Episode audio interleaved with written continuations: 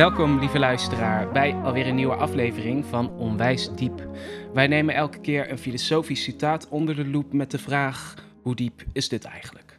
Zo proberen we dan uit te vogelen wat het citaat zegt, waarom we het zeggen en wat dat over ons zegt. Uh, mijn naam is Diederik en ik zit hier zoals altijd met Werner. Goeiedag. En uh, nou, zoals jullie weten zijn wij goede maatjes met alle dingen. Dus vandaag gaan we het hebben over een citaat van Protagoras. De mens is de maat van alle dingen. Ja, je schudt dat zo uit je mouw, hè? Ja, precies. Ik heb dit niet voorbereid. dit komt gewoon allemaal, uh, allemaal tevoorschijn. Oh, wat een grapjes. Nou. de mens is de maat van alle dingen. Dat is een citaat dat denk ik iedereen wel een keer heeft gehoord. Maar dat komt dus van een oude Griek. Protagoras van Abdera, een, een, oude Griek uit de vijfde eeuw uh, voor onze jaartelling. Hij uh, stond bekend als een verstandig man of een wijs man en retoricus, een docent. En um, dat maakte hem voor ja, de vroege filosofen, zoals uh, met name Plato, een typische sofist.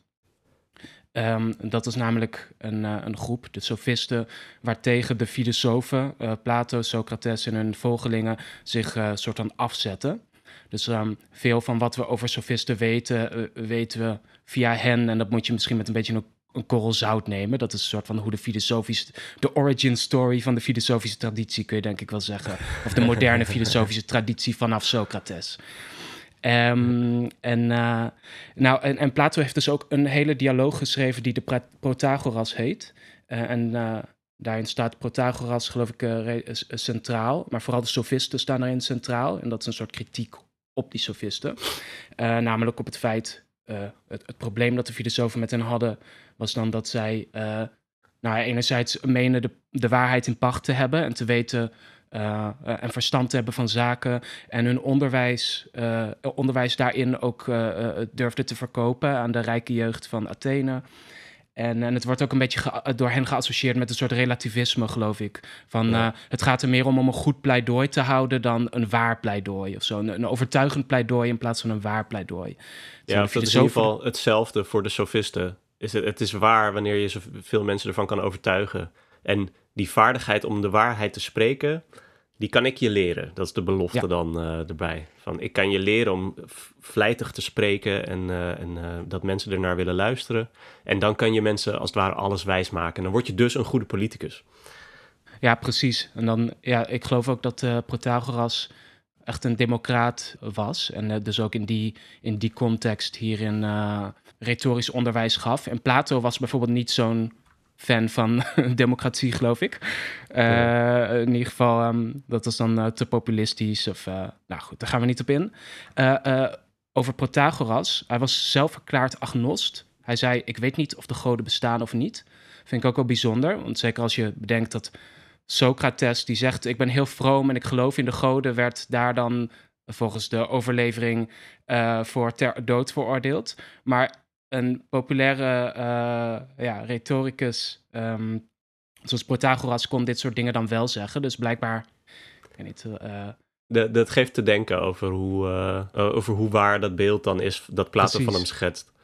Ja, precies. Dat is inderdaad wat ik dacht. Van, waarschijnlijk waren, is dat misschien de, de, de tragedie van Socrates ook wel een beetje, een beetje opgesmukt. Um, dus klassieke bronnen uh, van later zeggen dat dit citaat de openingszin was van een, uh, een boek van Protagoras, dat dan De Waarheid heette. Um, en uh, nou, of dat zo is, uh, dat moeten we maar van hen aannemen. In ieder geval wordt dit citaat heel uh, nauw geassocieerd met Protagoras. En iedereen leek het er in de oudheid over eens dat dit van hem komt. Ja, want, want dat, dat boek, De Waarheid, dat, dat, is niet, uh, dat is verloren gegaan, neem ik aan. Ja, volgens mij kennen we dat uit een lijstje van boeken die, die latere auteurs of, uh, uh, van de filosofische, verschillende filosofische scholen dan samenstelden van Protagoras ja. vond dit en dit en dit waren zijn boeken en dit waren een paar van zijn uitspraken. De mens is de maat van alle dingen. wat zijn onze eerste indrukken en vragen daarbij? Dat we daar beginnen. ja, dus eerste indrukken en vragen. Ehm, ik denk, mijn, ik, ik ken het citaat dus eigenlijk alleen maar via Plato. Via, via die discussie van Protagoras zegt dat wat waarheid is, dat is waar je mensen van kan overtuigen. En Plato die vond dat maar niks. Want er is toch ook een echte waarheid. En die wil je als filosoof ontdekken. En daar moet je dan een soort van jezelf ondergeschikt aan maken. En dan is het dus een, uh, een, een uitspraak van een bepaald soort menselijke hoogmoed. Hmm. Dat is mijn eerste associatie. Dus van de mens kan zelf bepalen wat waar is en wat niet. Dat is zo'n soort. Dat je kan bepalen waar Protagoras in ieder geval door Plato wordt neergezet, is iemand die zegt dat de mens zelf allemaal bepaalt wat waar is en wat niet. En, en wat goed is en wat niet. En dat mogen wij zelf beslissen, als het ware. Dat is in ieder geval hoe ik het een beetje heb overgeleverd gekregen. En ik ben wel benieuwd, dus dat is dan de vraag. Betekent uh, dat je de maat ergens voor bent, ook dat jij degene bent die beslist? Want je kan je voorstellen uh, dat een uh, timmerman met een meetlat iets opmeet dat hij dan zegt, nou, dit is de maat van uh, de plank of zo. Maar dat betekent niet dat die timmerman de maat bepaalt. Het betekent alleen maar dat hij uh, de maat hanteert. Precies, hij is nou, een toepasser, niet een, niet een bedenker of een soort van, uh, ja. ja. Het is niet dat hij zegt, dit, ja. Dat is denk ik de eerste associatie ermee. Dus dat idee van waarheidsrelativisme en wat, wat Protagoras dan eigenlijk zegt over dat we de maat zijn. Um, en de tweede associatie die ik ook nog heb, uh, en dat is gewoon omdat het grappig is, uh, is dat je het ook op een heel andere manier kan interpreteren. En dat weet ik leuk te illustreren aan de hand van een ander citaat van ook een oude Griek, namelijk Xenophanes. Uh, en dan lees ik: De mens is de maat van alle dingen, meer als een soort van bescheiden opmerking over. Goh, besef wel dat alles wat wij hier zo belangrijk vinden, dat dat allemaal komt door ons eigen perspectief of zoiets. Dus. Um, uh, het maakt als het ware, het, het, stelt ons eerder bescheiden. In die zin dat het, ons, uh, dat het zinnetje ons wijst op uh, dat we onszelf nogal makkelijk als uitgangspunt nemen. Dat we zeggen, ja, dat is gewoon rood, want zo ziet het er toch uit voor mij. En dat het de mens is de maat van alle dingen dan een beetje relativeert. en het zinnetje van Xenophanes, wat dat, een, wat dat mooi illustreert, is het volgende. Um, hij zegt namelijk, als koeien en paarden handen hadden waarmee zij konden schilderen, dan zouden koeien goden schilderen die eruit zouden zien als koeien. En paarden zouden goden schilderen die eruit zouden zien als paarden. Uh, dat vind ik uh, mooi, uh, omdat, omdat we duidelijk onszelf altijd als uitgangspunt nemen. Ook voor hoe we God afbeelden en dat soort dingen. Ja. dus het kan twee kanten op. ja, mooi. Dat, dat sluit ik me helemaal bij aan. Um, ja, ik dacht bij dit citaat in de eerste plaats ook aan... Um, een associatie die ik meteen had, is hoe we op onze vingers tellen. En dat uh, bijvoorbeeld dat we tien vingers hebben, wel een, een relatie heeft met dat we ook een uh, uh, decimaal rekensysteem hebben. En um, ook bijvoorbeeld binair, als je in tweetallen telt. We hebben natuurlijk heel veel delen van, onze van ons lichaam bestaan uit paren, zoals twee handen, twee ogen, twee oren, et cetera. maar we hebben ook weer twaalf vingercoaches. En je ziet dat ze dan in Mesopotamië ook weer een twaalf, hoe noem je dat, een een talstelsel van, uh, van uit, uh, met 12 als basiseenheid hanteren. Dus dat vind ik altijd sowieso bijzonder. Ook aan, uh, dat, ik weet wel dat dat voor mij een soort openbaring was toen ik me dat realiseerde. Dus dat is iets waar ik meteen, dat is een associatie die ik meteen had bij dit citaat. Als, eigenlijk het menselijk lichaam is een maat voor veel dingen, op zijn minst. Ja. Um, en, um, maar ja, en ik vond kan meteen veel manieren bedenken waarop ik het wel eens ben met het citaat of er wat van kan maken. Maar ik vroeg me daardoor eigenlijk vooral meteen af: um, in hoeverre zijn wij, zouden wij niet de maat zijn van, uh, van alle dingen? En uh, kan het soms zijn dat bijvoorbeeld niet de mens, bijvoorbeeld de wereld of de dingen zelf, voor ons soort van de maat, aan ons de maat opleggen? Um, dat vond ik in ieder geval een goede vraag om mezelf te stellen, om een beetje soort mijn eerste neiging te bevragen. Soort van mijn eerste uh, instemming met het citaat te, uh, nou ja, te, kritisch te, te, bekijken. Dus ik hoop dat we daar een beetje um, uit gaan komen, maar dat zien we wel. Ja, ben benieuwd. dus um, even voor, voor het overzicht. De vragen zijn, is het inderdaad zo dat de mens bepaalt wat waar is? of moeten we dat anders zien? Of moeten we ons eerder bescheiden opstellen? -hmm. dat was mijn vraag. En jouw vraag is, als, als niet de mens, wat dan wel?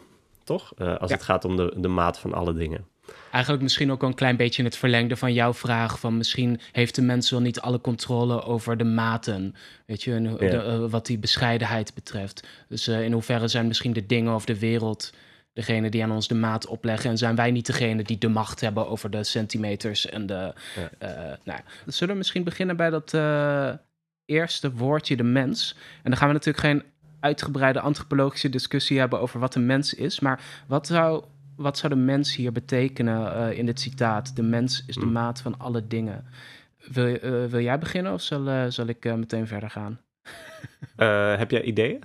Nou, ik, ik denk eigenlijk bij de mens. Het klinkt toch wat algemener. je kan natuurlijk denken aan een individu. Zo van, ik bepaal zelf wel wat de maat van de dingen um, is. Maar dit citaat, bij dit citaat is een soort algemene uitspraak, denk ik misschien eerder bij de mens aan uh, de gemeenschap of de mensheid als geheel. Uh, misschien zijn dat twee verschillende, de, uh, verschillende dingen nog, de gemeenschap en de mensheid. Wat denk jij? Ja, ja ik, de, ik denk dat dat eerste wat je zei van het, als je het een soort op zijn extreem relativistisch interpreteert, dan zeg je ik bepaal zelf wel wat belangrijk is. Dat is dan, dus de mens is dan ik, het, het subject of zo. Maar ik denk dat we dan, nou, zonder al te ver uh, de, de westerse filosofiegeschiedenis in te duiken, uh, dan zijn we een beetje aan het, uh, en zonder al te moeilijke woorden te gebruiken, zijn we natuurlijk een beetje anachronistisch aan het projecteren. um, dus dan heb je de gemeenschap. Ik heb het idee dat je, dat je het ook moet zien als als een uh, stelling die zich ergens tegen afzet. Ik denk dat uh, het wereldbeeld waarbinnen Protagoras leeft, dat, je, dat het heel duidelijk altijd de God is die bepaalt wat de maat is van de dingen. En de, en de natuur of zo, die de standaarden zet van wat normaal is enzovoort. En hij zet zich daartegen af door te zeggen: nee, niet de natuur, niet de God. dus de mens, wij zelf. Het zou kunnen zijn jij en ik. Of zo. Ja. Niet, niet zozeer ik bepaal het wel, maar jij en ik, wij kunnen zelf, wij hebben zelf invloed op wat de maten zijn van alle dingen. Ja, precies. Nee, dat vind ik een goed punt. Uh, ook een beetje denkend aan de inleiding. Um, dat het ja, het legt de nadruk meer uh, uh, naar het gesprek onder de mensen, tussen de mensen. Ook soort van in een context van retoriek en pleidooien. Dat, dan kun je Protagoras zien als iemand die zegt van... wat praten jullie nou de hele tijd over de goden en de natuur? We zijn hier de hele tijd een gesprek aan het voeren met elkaar... en dat is waar de maten uit voortkomen. Dus dit is gewoon heel veel gepraat. En realiseren jullie niet dat dat van mensen komt? Niet van goden, niet van uh, eeuwige wetten, niet van natuur, niet van weet ik veel. Dus in die zin is het, uh, lijkt het inderdaad wel zoiets te zeggen. Dus dan, dan betekent de mens, is, is er wel een, pregnante, een pregnant woord daar. Ja, ja, zeker. Nou ja, en dan wordt de mens wordt dus inderdaad een soort, uh, als dat jij en ik betekent, dan is het een soort oproep tot verantwoordelijkheid of zo, toch? Dat je dan gewoon zegt, ja, hallo, let even, denk even zelf na, zeg maar. Ja. Uh, wees je bewust van dat je niet zomaar overgeleverd bent aan, uh, aan alles. Maar tegelijkertijd, ik weet niet of we ook in het hedendaagse gebruik dan het op die manier moeten interpreteren. Want je kan het dus zien als een oproep, maar de mens is de maat van alle dingen. Kan ook, ik associeer dat nu, maar als ik dat naar de huidige tijd eh, probeer te vertalen, dan denk ik snel aan um, soort, ja, de mensheid als, als zo'n grote woekerende natuurkracht eigenlijk die over de aarde heen dendert. Van de mens die legt van alles op aan uh, de grond en aan de bomen en aan de, de, de zeeën. Uh, die stelt de maat voor hoeveel vissen er worden gevangen en, enzovoort. Um, ja. En dan, dan is het wat minder jij en ik, denk ik. Maar dan, dan heeft het meer te maken met, ja, uh, wat zou je, hoe zou je dat noemen? Ik weet niet zo goed. De mensheid, ja, de mens als, als soort is misschien te beperkt daarvoor. De mens als, uh, als natuurfenomeen. ja, ja, Kunnen we dat nog koppelen aan, aan uh, dat idee van uh, dat, dat, die vingerkootjes en zo waar jij het net over had? Van de mens is de maat van alle dingen. Dat kun je ook heel letterlijk nemen van het menselijk lichaam dus. Ja. werkt dat? Ja, nou ja, je kan de mens dus ook opvatten juist als de mens als een beperkt een soort van of een, beperkte soort. We, zijn uh, gebonden aan een bepaald lichaam, we zijn gebonden aan bepaalde denkvormen. En dan kun je ook zeggen, uh, we kiezen natuurlijk niet hoe, onze, hoe ons eigen lichaam eruit ziet en hoe ons eigen soort van hoe lang we zijn gemiddeld en, en allemaal van dat soort dingen. En dat bepaalt wel in grote mate wat voor dat bepaalt in grote mate wat voor maten we hanteren. dus je kan het ook zo um, zien als juist de beperkingen van de mens um, leggen hem meteen uh, de, hun, hun, maten op. We hebben dan van die maten zoals een duim of een, uh, een L. En dat wordt natuurlijk bepaald door hoe lang, nou, welke afmeting ons lichaam heeft. En ja. dat is niet iets wat we kiezen. We, dat is niet iets wat we zelf in de hand hebben. Nee, ja, daar wordt het bijna objectief van, inderdaad. Ja. En dat... Je zit opgeschreven met je lichaam ook als een soort ding. En, ja. en, en dat, is, dat kun je ook nog scheiden van mens. Ja. Uh, en dat zijn maten waar je op de een of andere manier aan moet houden. Ja. ja. Waar je, ja, je kunt nu eenmaal niet uh, functioneren binnen een wereld uh, met deuren en trappen die allemaal drie keer zo groot zijn als wat ze nu zijn. Want ja. en ik zat, nu je dat zegt, zat ik te denken van, oh ja, dat, dat is natuurlijk voor het lichaam geldt dat zo. Maar dat kun je ook nog wel voor de geest of het denken of zo um, doen misschien. Van de, uh, niet alleen ons lichaam in de heel directe fysieke zin is beperkt, maar ook onze concentratievermogen en onze aandachtspannen en onze, de, de manier, zeg maar, ons voorstellingsvermogen van hoe groot we iets kunnen voorstellen. Ja. Dat legt ons ook een hoop beperkingen op. of in ieder geval beperkingen, ja, uh, dat bepaalt een hoop van hoe, wat we wel en niet kunnen zien en begrijpen.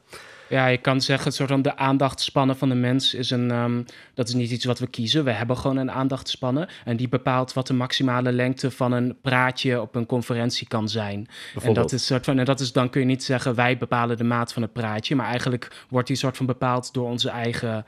Uh, beperkte manier van zijn, of onze eigen, ja, onze brein, kun je, zo kun je het benoemen, onze geest, eh, hoe je dat ja. ook maar wil benaderen. Ja. Um, zullen we het hebben, eh, zullen, zullen we ook even kijken naar wat een maat eigenlijk is? Want dat is misschien, dat spreekt ook niet helemaal voor zich, of in ieder geval daar moeten we wel even in porren. Zoals we dat altijd doen. Um, zoals we dat zeer graag doen. Um, een, een, een maat, ik dacht, uh, een meetlat is, is een maat. Dan, dan is een maat een soort van een object om iets mee te meten. Uh, dat is een mogelijke betekenis. Uh, maar je kan bij een maat natuurlijk ook. Um, met, een, met maat kun je ook bedoelen uh, de eenheid. Een soort van de centimeter. Dat is een maat. Ja, ja als je een rolmaat van 5 meter of zo, dat is een maat. En de 5 meter, dus de meter, is een maat waar die rolmaat er 5 van heeft. ja. Oké. Okay. Dus dat zijn, uh, dit is, uh, om, om het dat, um, ja, even uh, misschien anders geformuleerd. een maat kan, kan ze wel betekenen um, de, de standaard of het, het, het, soort van het concept van de maat. Van dit is, en de definitie van dit is een centimeter. maar ook het object dat je gebruikt om die uit te drukken of om die in de wereld met je mee te nemen. Dat zijn er in ieder geval twee um, betekenissen van maat. Ja. Zijn er nog meer? Ja, uh, misschien wel goed om even op te merken. Uh, dat is in twee gevallen, dus is er een maat. En dat is het ding waarmee je meet.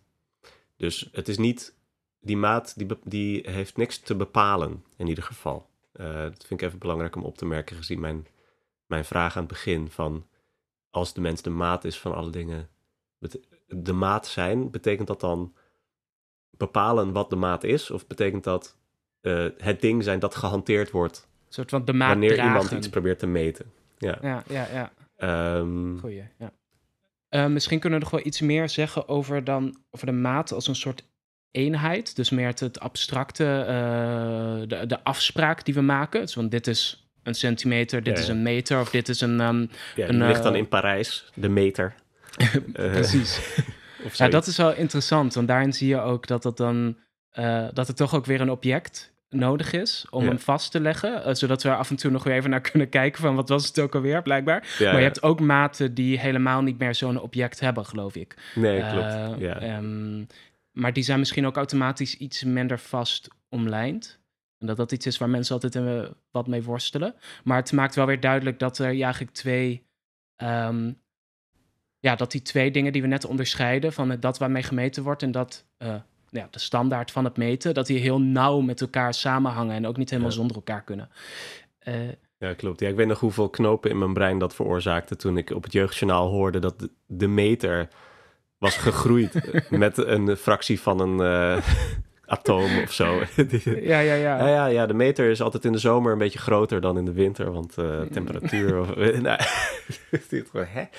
Waar heb je het over? Het is toch een concept? Het, is, het gaat toch om ik ben wel benieuwd wat Plato ervan zou vinden. Dat, er, dat we eigenlijk een soort ideeënwereld op aarde scheppen vol imperfecte ideeën. Van Demeter en weet je wel, dat we al die maten ergens opslaan. Want eigenlijk is dat, fungeert dat een beetje als die ideeënwereld, maar dan heel kut voor Plato.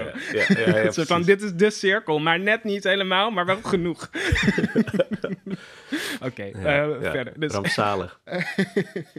um, maar uh, ja, misschien is het ook goed om op te merken dat dat maat aan de ene kant iets dus is dat we gebruiken om uh, dingen in de wereld te beschrijven. Als in bijvoorbeeld dit stukje hout is 5 centimeter. Dan is een maat een soort manier om dat, uh, nou ja, om dat te vergelijken of om daar iets, iets uh, praktisch mee te doen. Van het ja. moet precies 5 centimeter zijn. Maar een maat kan ook, wanneer ik noemde net het woord standaard al, ja. het kan ook meer voorschrijvend zijn. Zo van, dit moet. aan deze eisen voldoen ja. Dit is de maat. Uh, en als je daaronder, dit is onder de maat. Ja. Precies. Uh, iemand de maat nemen. Uh, maar dan, ja, dan is het al snel. Ehm, dan denk ik snel eerder aan, aan goed. Is het goed genoeg of niet? Is het. Ja, nou, dat is nogal logisch natuurlijk. Uh, het is ook goed om logische dingen te zeggen. Ja, nee. nee, maar dan, dus dan, dan wordt het snel, de, de maat wordt dan, is dan niet langer uh, bijvoorbeeld een centimeter, maar dan is het beleefdheidsgedragsregel of zo. Ja. Um, ik weet niet of dat allemaal om hetzelfde gaat. We hebben het natuurlijk wel over de maat van alle dingen. Dus op zich kunnen we gewoon zeggen dat, het, dat de mens zowel de centimeter als de beleefdheidsregels bepaalt. Maar dat is blijkbaar wel wat, wat maat allemaal, wat de rekbaarheid van het begrip uh, een beetje toelaat allemaal. Ja, ik zat net even te denken of we het konden verwerken in dat voorbeeld van een meetlat. Je hebt bijvoorbeeld een lineaal van 5 centimeter. Dat is het object waarmee je meet. Dan heb je de 5 centimeter markering op, op het lineaal, die soort van de standaard vertegenwoordigt. En dan kun je zeggen, een goed stukje hout is 5 centimeter. En dan bepaal je soort van met dat lineaal of het die standaard haalt. Of dat het net 4, zoveel uh, centimeter is. Dus dan heb je eigenlijk een soort drie nauw met elkaar verbonden. Uh, ja. Uh, ja, eigenlijk twee keer maat. En de laatste zou ik misschien eerder noemen standaard of zo, of norm. Ja. misschien is het goed om dat, dat... Misschien moeten we het gewoon zo noemen dan. Ja, ja, en als je het dan hebt over een goed stukje hout, dan kan het ook weer dingen betekenen. Zeg maar. Het kan een, een goed stukje hout zijn dat goed is uh, functioneel gezien. Dat goed is om, uh, weet ik veel, deuren mee te stoppen of zo. of het is goed in de zin dat het naar de hemel gaat en dat, God, dat God zijn duim opsteekt bij dit stukje hout. Zeg maar, de, van, dit is echt een goed stukje hout gewoon. Dit was een splinter van het kruis van Jezus, ja, uh, waar we het vorige eh, keer over hadden. En dat uh, gaat zeker naar de hemel. Ja. nadat het een reis heeft gemaakt als reliquie langs alle... Ja, oké. Okay, um, en de dingen dan, want we hebben het nu gehad over de... Precies, want we hebben het gehad over de mens en over een maat. En, maar hij zegt dus een mens is de maat van alle dingen. Um, wat verstaan we daaronder? Uh, want ja, dat betekent eigenlijk zoveel als gewoon alles. Maar dat kunnen we misschien wel een beetje toespat, toespitsen. toespatsen. kunnen, we kunnen nog een beetje toespatsen. maar dat kunnen we nog wel een beetje toespitsen op, um, uh, ja, voor dit citaat. Van wat zijn de meest relevante dingen waar je nu aan kan denken? Als je zegt de mens is de maat van alle dingen. Uh, je zei net het woord goed. Misschien is dat mooi om te beginnen. Bijvoorbeeld een goed, een moreel goed stukje hout. Dus uh, morele, morele dingen. Dus, hoe noem je dat? Morele dingen. Het goede. Ja, het goede. Het goede. Uh, het, goede, het schone, het ware. We zijn toch, ik bedoel, we weten dit via Plato, dus dan gaat het gewoon om uh, to agaton, toch? het, het zonnetje boven de ideeënwereld. Die het idee van het goede en het schone en het ware vertegenwoordigt. Dus dat, dat is dan waar alle dingen op kan duiden. Dus van de, mm, De orde van de wereld. eh, ja.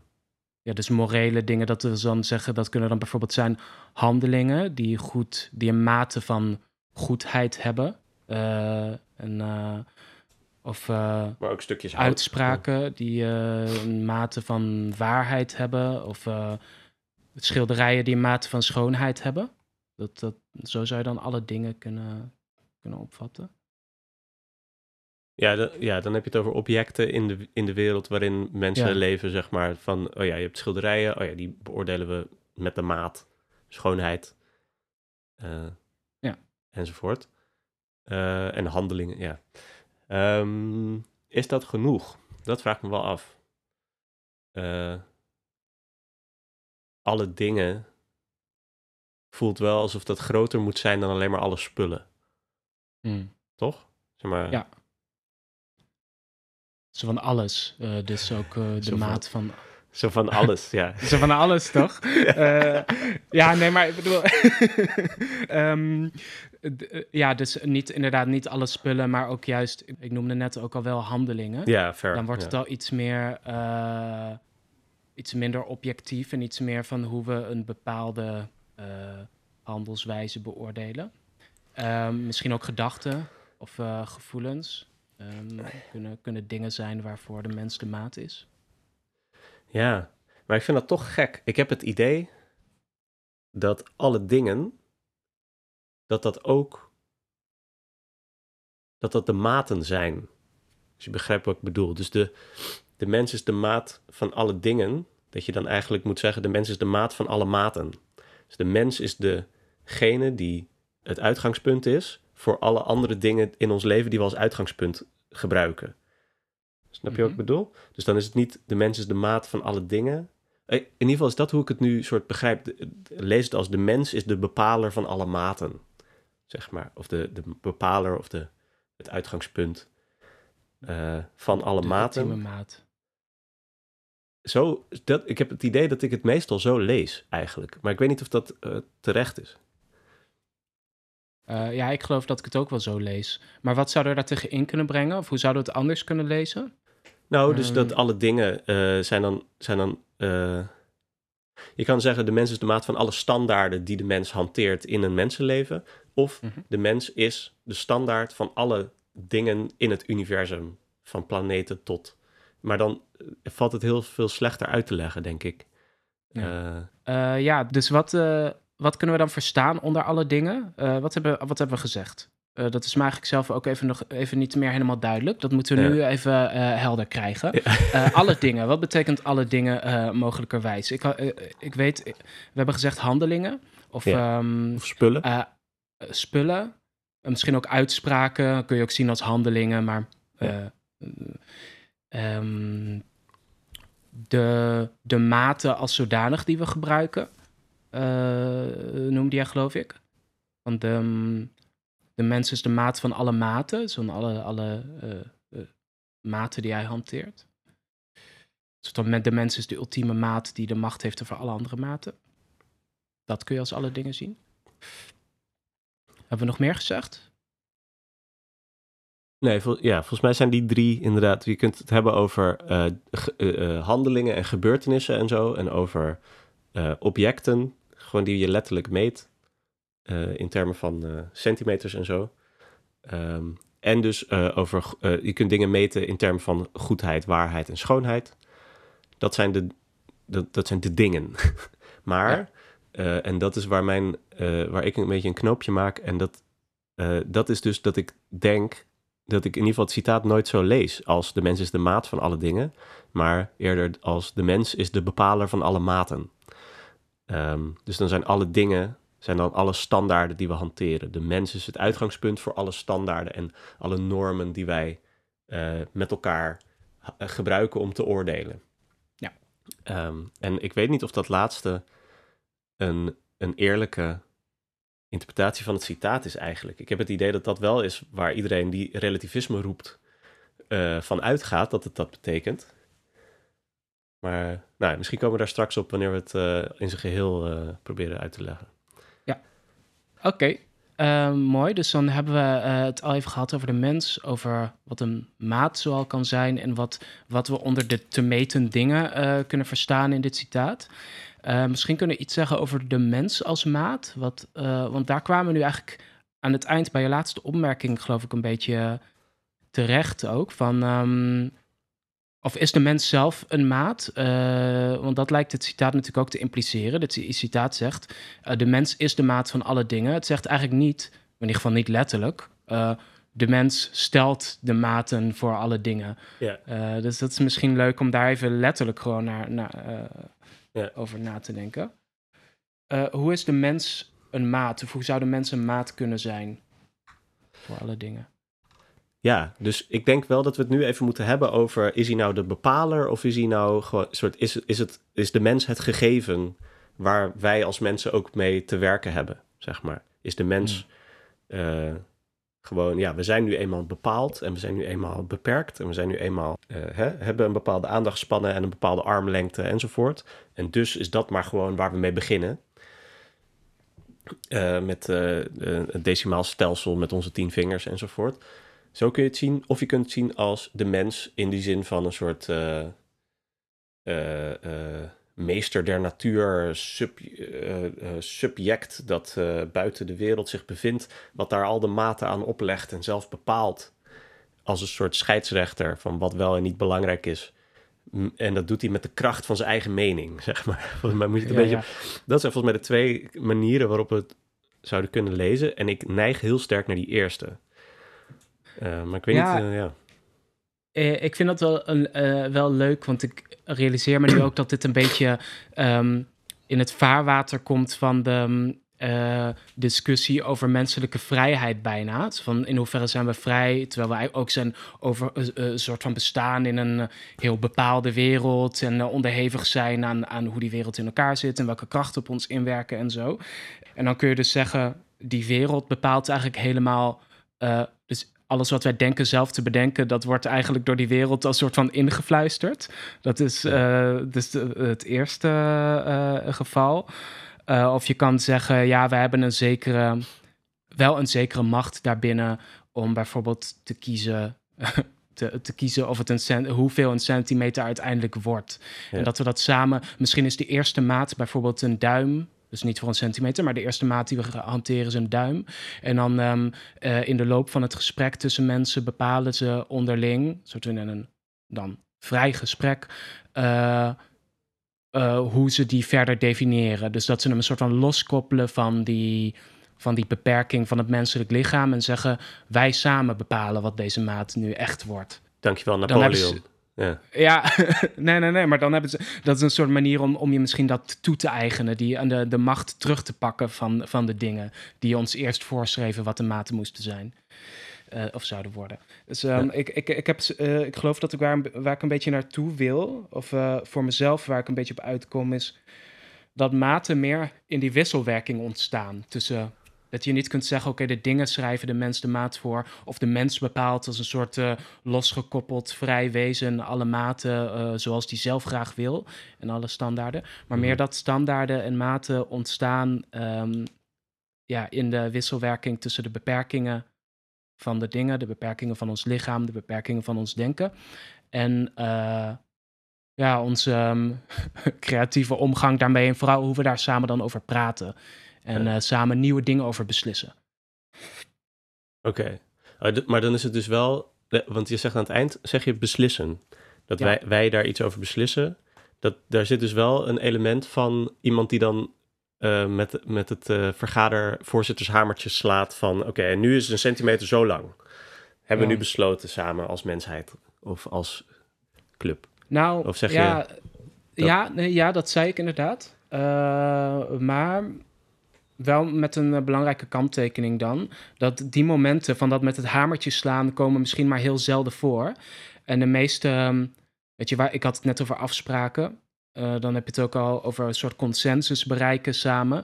Uh, vaak gaat er, gebeurt dat stilzwijgend. Ja. En dan kun je ook afvragen in hoeverre we daar eigenlijk zelf iets in kiezen. Of gewoon worden geleid door, um, nou ja, uh, ja, het is met, door de dingen. Ja, ja, het is met morele normen en waarden natuurlijk een beetje anders gesteld dan met centimeters. Uh, zeg maar, morele normen en waarden. Dat krijg je bij iedere eerste les ethiek en moraal over ja. En dat verschuift door de toenemende kennis en technologie. Dat we ineens nieuwe omgangsvormen met elkaar krijgen. En waar, waar dan bepaalde vormen in ontstaan die dan wel en niet als normaal gelden enzovoort. Dingen die vroeger toegejuicht werden of als dapper golden, zijn nu laf en asociaal enzovoort.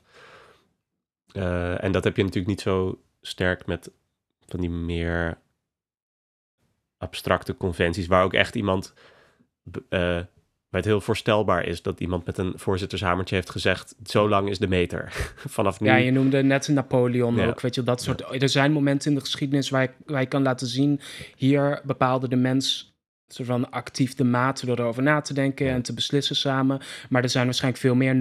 En dan, ja, uh, een beetje eerder hadden we het over dat onderscheid tussen een maat en een norm. Ze zeggen dat normen misschien moeilijker te beheersen zijn, dat die meer ontstaan uh, uit, weet je, dus als je het hebt over schoonheid, normen van wat mooi is of moreel, normen van wat goed is of beleefd of beschaafd of weet ik veel. Uh, daar kunnen we daar eigenlijk van die hamertje momenten, uh, hamertjes momenten voor, voor bedenken. Veel minder, denk ik. Ja. Nee, helemaal niet zelfs. Ja, dus er zijn wel van die betekenisvolle momenten. Zeg maar die, uh, weet je, die uh, woordvoerder van Trump die het dan over alternative facts had of zo. En dan sindsdien heeft iedereen het ineens over alternative facts en post-truth. En uh, is dat helemaal een hip woord. En dan hebben we blijkbaar een andere opvatting van wat als waarheid mag gelden. Of in, of in ieder geval niet anders, maar wel zijn we daar ineens over in gesprek. En daardoor verandert weer wat wel en niet als betrouwbaar mag gelden, wat je van het internet uh, vindt. En uh, mm-hmm. dan wordt het wel een kwestie. Dus als je dan wil, wil vragen van is de mens nou de maat van alle dingen? Dan denk ik dat, het, dat je uh, in al die gevallen heel erg gaat lopen sjoemelen met het woord mens en het woord maat. omdat als je uh, zegt, ja, de mens, ja, dan bedoelen we eigenlijk meer de mensheid en, en uh, ons als uh, organisme dat bezig is met van alles, waardoor normen en waarden veranderen. En in die zin bepaalt dan die mens, of de mensheid of zo, bepaalt dan wat de normen en de waarden zijn. Maar bepalen is dan niet meer iemands beslissing. Ik zou wel zeggen dat, er, dat, je, dat je veel voorbeelden kan bedenken waarin um, in achterkamertjes wordt. Het klinkt, het klinkt al gauw samenzweringsachtig, maar laat zeggen, waarbij historisch instituties bepalen wat de wenselijke waarden van een gemeenschap zijn. En dan proberen om die bijvoorbeeld door middel van propaganda of, uh, nou ja, door middel van, uh, van, van, uh, van geweld af te dwingen en op te leggen. Oh, bijvoorbeeld in een koloniale context of gewoon in het algemeen in bijna elke historische context sinds het begin van, van grootschalige beschavingen. Maar dan uh, alsnog, als je dan dat citaat erbij pakt, de mens is de maat van alle dingen, dan sjoemel je ook met de mens. Want dan zijn het eigenlijk kleine groepjes van de mensen die de macht hebben, die bijvoorbeeld de, de maat bepalen. en niet per se de mens als. Precies. Niet, niet de mensen die samen een gesprek voeren en dan onderling beslissen wat de maten moeten worden. Dan is het niet ehm, democratisch. Uh, In de volksvergadering heeft de mens besloten hoe lang de centimeter is of whatever. Ja, misschien nog tot slot, omdat we dan nog een laatste dingetje, nu je het over machthebbers hebt, kunnen we nog iets over antropocentrisme zeggen misschien. Mhm. Ehm, dat we dat ook, dat, dat je het heel postmodernistisch, dit citaat zou kunnen interpreteren, wanneer je zegt de mens is de maat van alle dingen, dan zeg je de mens is de norm. En dan zeg je, wat wij als mens beschouwen, dat is natuurlijk ook historisch anders geweest. En dan hebben we het dus niet over de letterlijke uh, zeg maar, lichamen van een bepaald organisme uh, met een bepaalde genetische structuur of zo, die we dan de mensheid, de biologische mensheid noemen. En we hebben het ook niet over uh, jij en ik als uh, club, maar we hebben het dan over het concept, de mens, als een soort universele categorie, waar toevallig historisch gezien heel lang alleen witte mensen toe hebben behoord. Of alleen witte mannen misschien zelfs. Um, ja, precies. Want ik denk dat uh, Protagoras, als hij, als hij het heeft over, over antropos, dan denkt hij aan een heel specifiek soort Griek.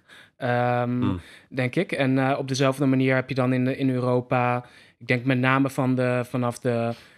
Om in nabij de, nou ja, eigenlijk, in de, laten zeggen, in, de modern, in modern Europa, even los van wanneer dat precies begint, dat er een gesprek op gang komt over dat mensen mensen überhaupt dat die term de mens op, een, op allerlei nieuwe manieren gaan gebruiken. Voorheen was de mens misschien uh, bijvoorbeeld de mens ten opzichte van God en de mens als een, um, als een uh, zonde gewezen of weet ik weer in een bepaalde wereldorde. En dan uh, krijg je bijvoorbeeld de verlichtingstraditie en die definieert de mens heel anders. Die zegt bijvoorbeeld de mens is een volwassen uh, witte uh, Europeaan, een mannelijke Europeaan die um, en dat is ook een soort ja. ja. en dat is ook een norm meteen van dat is wat eigenlijk iedereen zou moeten streven te zijn. Ja, het is de en hoogste vorm. de mens ja. is de, de, de, de kroon op de schepping, zeg maar. En alles daaronder, het is allemaal primitief of bruut of emotioneel in plaats van uh, verstandig. Dus dan is uh, eigenlijk onze opmerking van, uh, hoewel het vaak een beschrijvende term lijkt, is het eigenlijk meestal juist een norm. Ja, of, of een soort ideaal misschien zelfs? Nou, de, ja, nou dan dus een standaard van, oké, okay, dit is deze zeven vinkjes moet je hebben om, om eigenlijk volledig mens te zijn. Of, ja, ik weet niet, misschien overdrijven we nu een beetje hoor, maar zeg maar met de, met de rekbaarheid van het begrip. Maar ik, ik lees het nu dus eventjes als de mens, tussen aanhalingstekens, is de maat van alle dingen. Uh, en dan wil dus zeggen, de mens is, uh, uh, al is de, de norm die gesteld wordt van wat, eh, wat geldt als volwaardig mens. En dan, dan moet je daar wat koloniale kritiek op leveren van wie er allemaal wel en niet bij hebben mogen horen, historisch gezien. Um, en trouwens ook de vraag of dat inderdaad iets is waar iedereen bij zou moeten horen ik weet dus niet of het helemaal eerlijk is naar Protagoras om het op die manier te interpreteren, maar het is in ieder het, het leent zich ertoe. Uh, ja, oké, okay, nee, ja, dat is mooi. Um, dus de mensen, dan hebben we eigenlijk gezegd, de mens uh, is, uh, daarin zit ook vaak een wel een verkapte norm verborgen. En um, ja, met het oog op Protagoras, ik bedoel, dat zal ook bij Protagoras het geval zijn geweest, maar ik weet niet of dat de betekenis of de waarheid al dan niet, het al dan niet waar zijn of zinnig zijn van zo'n citaat verandert. Wat denk je? De mens is de maat van alle dingen. Misschien is het wel gewoon even iets goed, uh, goeds om in het achterhoofd te houden ja, daarbij. Ja, ja. En uh, met, met, met uh, die gewaarwording moeten we eigenlijk ook misschien maar eens gaan zeggen wat we er dan van denken en of we het ermee eens zijn. En onder welke voorwaarden, dat wordt ook nog een klusje. de mens is de maat van alle dingen. Wat vind je daarvan, Werner? Is dat zo? Ik ga dit niet zelf beantwoorden. Ik gooi hem lekker naar jou. Ja, dankjewel. Ja, is goed. Uh, neem ik even vijf minuten om... Uh, om erover na te denken. Uh, nee, om even lang voor me uit te denken, ja. Um, ik, ik denk... Ik denk dat we wel kunnen zeggen... dat die interpretatie van Plato als een soort relativisme... waar de mens de bepaler is van alle dingen... dat dat eigenlijk helemaal niet zo goed, niet, niet zo voor de hand ligt uit dit zinnetje. Ik vind het er moeilijk uit te halen. Want dan lees ik het dus als de mens is de bepaler van alle maten. En dat staat er niet. Uh, maar dat is wel hoe we het altijd soort van begrijpen. Dus ik vind het wel leuk dat we dat een beetje hebben ontdekt uh, in het gesprek door op die woorden te gaan zitten. Um, en, wat ja, we hebben ook geen van beide echt het gevoel dat de mens hier een individu betekent of zo. Van een individu bepaalt zelf wel wat waar is. Ja, nee, dat zou bijvoorbeeld zoiets zijn waar Plato heel kwaad om zou kunnen worden. Maar ik vind het heel moeilijk om dat uit dit citaat te halen. Ja, um, ja maar en precies. En als dat het niet is, dan gaat het dus makkelijk naar die andere interpretatie van eh, die toch wat objectiever lijkt. Van goh, de mens, de gegevenheden van de mens zijn de maat van alle dingen, zijn waar we het nou eenmaal mee moeten doen wanneer we dingen proberen te begrijpen of te interpreteren of beslissingen proberen te maken of te evalueren. Dus wat ons gegeven is, waar we dus zelf eigenlijk niks over te bepalen hebben, onze armlengte, onze morele intuïtie, weet ik veel, uh, onze uh, uh, aandachtspannen, dat zijn de dingen die bepalen wat wel en niet werkt voor ons. En dan vind ik het wel een charmant citaat, denk ik. Als je zegt, uh, de mens is waar je het mee hebt te doen, zeg maar. Ja. En dan, dus dan vind ik uh, mijn eerste associatie met die, uh, die koeien die goden zouden interpreteren als koeien, vind ik nog wel een soort terecht. omdat het een beetje bescheiden stelt, in plaats van dat het ja. een arrogante uitspraak is. Het stelt een beetje bescheiden, omdat het je op je eigen beperkingen en bepaaldheden wijst. Dat vind ik ja. er wel leuk aan. Wat denk jij? Nou, dat vind ik ook.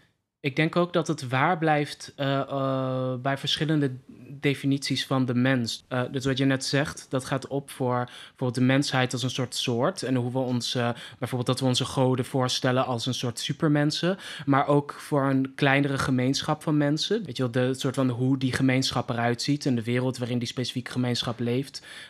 En de beperkingen daarvan bepalen ook weer um, de maten die daarin gehanteerd worden. Ik denk dus dat je dit ook heel goed mee kan nemen naar verschillende discussies. Um, bijvoorbeeld, zie je niet hoe de manier waarop we deze discussie voeren voorgevormd is door uh, soort van hoe de maten daarin zijn bepaald door wat we gewend zijn of wat, we, wat wij hebben gezien ja. samen. Door onze menselijkheid. Onze gedeelde ervaringen. Ja, ja, door onze menselijkheid um, of zo. Wat we dan associëren met onze niet, onze beperkingen.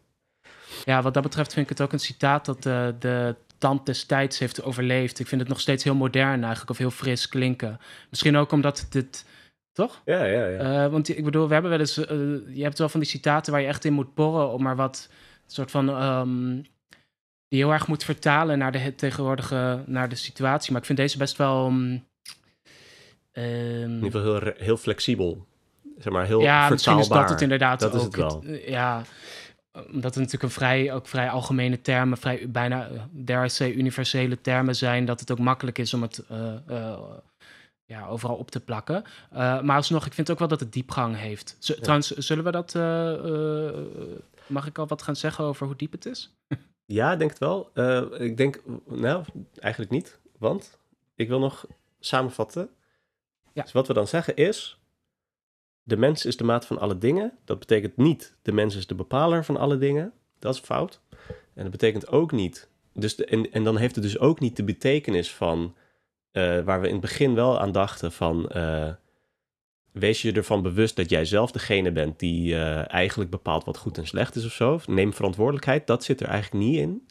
Maar wel het idee van de mens is het uitgangspunt voor hoe wij de wereld nu eenmaal beschouwen en, en beoordelen. Uh, en wees daar dus een beetje bescheiden over, want de mens is niet het enige uitgangspunt dat er is uh, om, om in te kunnen nemen. Ik denk dat, dat dat is dan volgens mij hoe ik het nu uh, begrijp. En dan kan ik zeggen dat ik het met die eerste dus niet eens ben als interpretatie, met die tweede wel. En dan mag jij vragen hoe diep het is. Werner, hoe diep is het dan? Ja, best wel diep, man. Super diep. nou, ja, vind ik wel. Ik, ik, ik hou wel van um, citaten die een beetje bescheiden stellen uh, over uh, wat je als mens allemaal niet kan bereiken.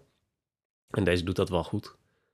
En uh, is het zo, dat is misschien de vraag die ik nog aan jou zou hebben. Zou je zeggen, is het zo rekbaar dat het toch weer oppervlakkig wordt? Of blijft de diepte mm. bewaard door die flexibiliteit? Mm. Ik vind dat de diepte bewaard blijft, geloof ik. Want dit is echt een voorbeeld van een citaat waarbij je eigenlijk de interpretatie, of soort van de moderne interpretatie meegeleverd krijgt. Of een moderne interpretatie van, uh, weet je, de relativistische, van mensen bepalen zelf uh, wat, de, uh, wat de maten zijn. Maar dit is echt een citaat waarbij ik, toen ik erover na ging denken, naar wat er nou eigenlijk staat, een heel andere een heel ander inzicht opdeed. En een heel ander. Of in ieder geval dat ik het gevoel heb dat het iets heel anders zegt. En iets best wel. Um, um, zinnigs en ook wel dieps over uh, soort van hoe maten tussen mens en wereld ontstaan. Ja. En uh, ik vind wel dat dat echt allemaal in dit citaat zit en niet iets wat wij er per se inleggen omdat we het zo graag nu willen. Nee. Uh, dus ik vind het wel echt, ja, ik vind het diep en niet, niet alleen omdat het, want het heeft niet alleen die heel algemene termen van de mens en maat en wereld, maar en de dingen, maar, um, het, maar schept ook wel een duidelijk verband dat niet ja. alles kan betekenen of zo. Nee, ja. Oké. Okay. Daar ben ik het wel mee eens. Dus, uh... hey, maar zit, hebben we dan te maken met een. Uh, met zoiets als een 9,5 of zo, uh, Diederik? Ja, ik, ik dacht wel aan een 9. Ja. Voor mij is het wel een, een 9 waard. Alright. Daar sluit ik me van harte bij aan. Geen 10. Mooi. Want? Want niks is perfect. Ja, we, hebben wij ook maar weer bepaald als mensen dat, uh, dat wij dit citaat de maat nemen. Dus dan kunnen we het geen 10 geven. Um, goed. Right. Um, mooi. Nou, dan zijn wij over twee weken weer bij jullie terug met een nieuwe aflevering. Ehm, jullie kunnen ons ook vinden op Instagram. Dat wordt allemaal door Werner uh, beheerd. Die plakt altijd de mooiste screenshots van onze hoofden uh, bij de, het citaat van de week. dus uh, zeker een reden om een account voor aan te maken als je dat nog niet had. en voor nu bedankt voor het luisteren. en tot volgende aflevering. Ja, tot volgende keer.